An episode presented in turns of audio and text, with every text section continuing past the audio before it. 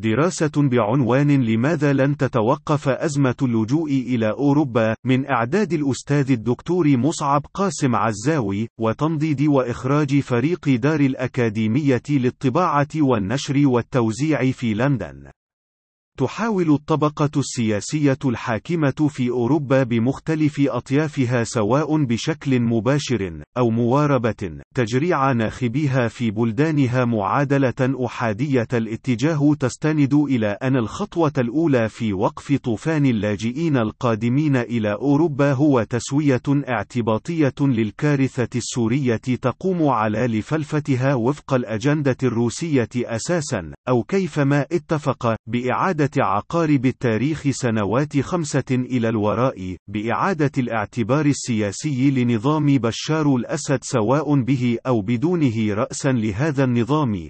وتلك المعادلة كفيلة بحسب زاعميها بإعادة المقهورين السوريين إلى حظيرة القمع التاريخي القادر وحده على إرغامهم على الموت في وطنهم، دون تمكنهم من الخروج منه في قوارب الموت في مقامرة تحتمل كارثة الموت السرمدي بديلا عن الموت مع وقف التنفيذ المعاش يوميا، سعيا للوصول إلى شواطئ أوروبا وحلما بحياة طبيعية لهم ولأطفالهم، ويحق للمتابع المدقق أن يفند منهجيا عوار تلك الأطروحة السياسية الانتهازية، والقافزة فوق شروط الواقع العياني المشخص إقليميا ودوليا لأسباب متداخلة ومتفاعلة فيما بينها أهمها: أولاً، إن إعادة تأهيل نظام بشار الأسد سواء به أو بدونه رأسا للنظام هو عملية سوف تقود بنفسها عمليا إلى إفراغ الوطن السوري من كوادره من الذكور جميعا من أولئك تحت سن 45 عاما ممن يطلبون عادة للخدمة الاحتياطية في جيش النظام بغض النظر عن معارضتهم المعنوية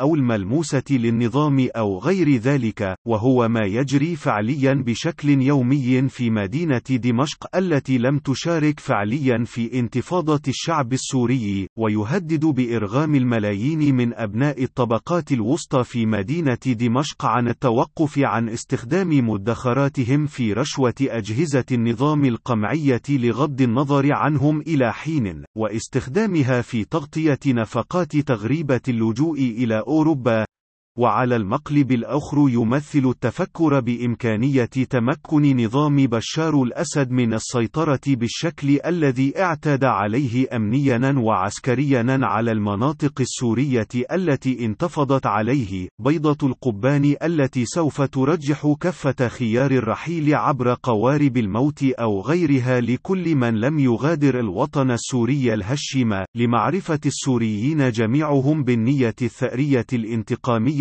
والفاشية في آن معا للنظام السوري وآلياته الداخلية والتنفيذية التي خبرها الشعب السوري خلال عقود طويلة من القهر في سنين الثورة الأخيرة وما قبلها من تنكيل لم يبارح ذاكرة الشعب السوري المظلوم. ثانيا إن تدقيقا منهجيا يتجاوز ضبابية التغطية الإعلامية المتعمدة للمأساة السورية، وصنوها المتمثلة في تراجيديا قوافل اللاجئين إلى أوروبا، بالاستناد إلى الدراسات الإحصائية لمفوضية الأمم المتحدة العليا لشؤون اللاجئين UNHCR، يرشح عنه حقيقة مفادها غوغائية، وشعبوية الطرح السياسي المشار إليه أعلاه، حيث أن أن تلك الإحصائيات توضح بشكل صريح لا يقبل الالتباس بأن نسبة السوريين من العدد الكلي للاجئين إلى أوروبا لم تمثل في أي من الأشهر المنصرمة من عمر جلجلة الثورة السورية أكثر من نصف أعداد اللاجئين إلى أوروبا، وهي في المتوسط حوالي 41% فقط من الأعداد الكلية لأولئك اللاجئين، وأن نسبة تقارب النصف منهم تأتي تأتي من العراق وأفغانستان. وهو ما يعيدنا إلى مفاعيل الحروب المستمرة التي لم تنقطع في العالمين العربي والإسلامي منذ إعلان جورج بوش الابن عقب أحداث الحادي عشر من أيلول بأن الولايات المتحدة تحتاج إلى ركل مؤخرة ما وهو ما عنا في القاموس السياسي والعسكري الأمريكي إدخال العالمين العربي والإسلامي في أتون الحروب الأمريكية التي لا تنقطع والتي التي كان عمادها الأول في عهد بوش الإبن منهجية الأرض المحروقة، وتهشيم المجتمع والإنسان، ورمي كل من يواجه الغول الأمريكي في غياه بالمعتقلات المدارة أمريكيا، أو بأيادي وكلائها المحليين كما في أبو غريب، والتاج العراقيين، ولا ننسى بأن ذلك الأخير كان مختبر تصنيع القيادات الداعشية المحورية التي رصفت اللبنات الأولى في تخليق ذلك التنظيم السرطاني قبل هروبهم على طريقة أفلام هوليود منه في يوليو 2013 وهي نفس منهجية الحرب الأمريكية السرمدية ضد كل من لم يسر في ركابها، والتي تطفرت وحشيا في عهد أوباما لتصبح أقل جعجعة، وأكثر إيلاما، بالاستغناء عن الحاجة إلى المعتقلات، حيث تقوم الطائرات من دون طيار بواجب القتل لمن كان يتوجب اعتقاله في عهد بوش الإبن، بغض النظر عن من قد يقتل بطريق الخطأ كأضرار جانبية لا مفر منها حسب توصيف الساسة الأمريكان، على الرغم مما يعني ذلك من خوف مقيم لدى كل من يعيش تحت خيمة طائرات الموت، سوف يدفعه عفويا للتفكر بأن قوارب الموت هي الخيار الأكثر واقعية، وهو ما يحدث فعليا ويوميا في كل الدول التي يمثل مواطنوها أكثر من 50% من اللاجئين إلى أوروبا حسب نفس المنظمة الدولية. الدولية الأنفة الذكر. ثالثا إن تغول الشركات الغربية العابرة للقارات، وخضوع حكومات دولها إلى سطوتها الكليانية، إلى حد تمنع الكثير من تلك الشركات عن دفع الحد الأدنى من الضرائب المستحقة عن أرباحها بالاستناد إلى تلفيقات قانونية بهلوانية للضحك بها على الرأي العام،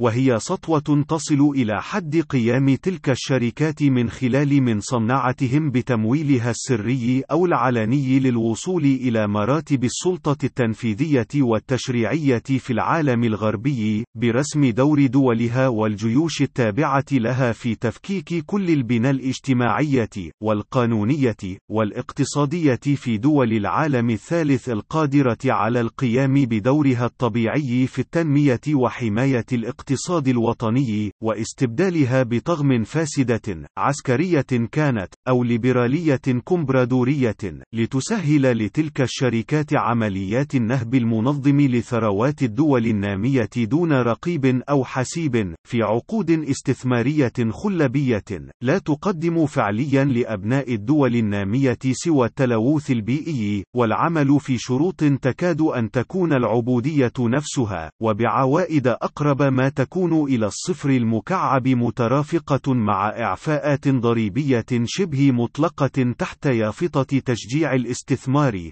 وإذا أضفنا إلى ذلك الواقع اشتراط دوام الحروب المستمرة التي احتفت بها كبرى شركات إنتاج السلاح العالمية في مؤتمرها الذي لم يتم تغطيته إعلاميا في ويست بالم بيتش في مؤتمر كوردة سويس في شهر ديسمبر المنصرم والذي أشار أحد أقطابه إلى الفوائد غير المباشرة من الحروب في سوريا ومنطقة الشرق الأوسط ومن التصعيد العسكري بين تركيا وروسيا والذي أدى بشكل طبيعي لزيادة الطلب في مسارح تلك النزاعات على منتجات شركات السلاح الكبرى المشاركة في المؤتمر. وإذا أضفنا إلى ذلك الثالث الجهنمي واقع التغير المناخي الذي سوف يؤدي إلى شحن متسارع في موارد المياه العذبة على المستوى الكوني، وإلى تفاقم مهول في زحف التصحر على الأراضي الزراعية،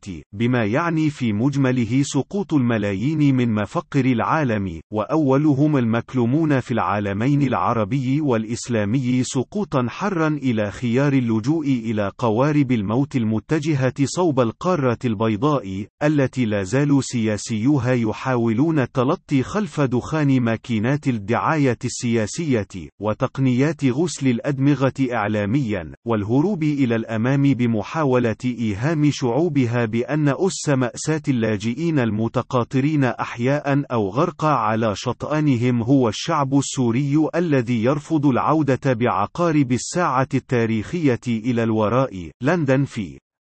الأول من ربيع الأول 2016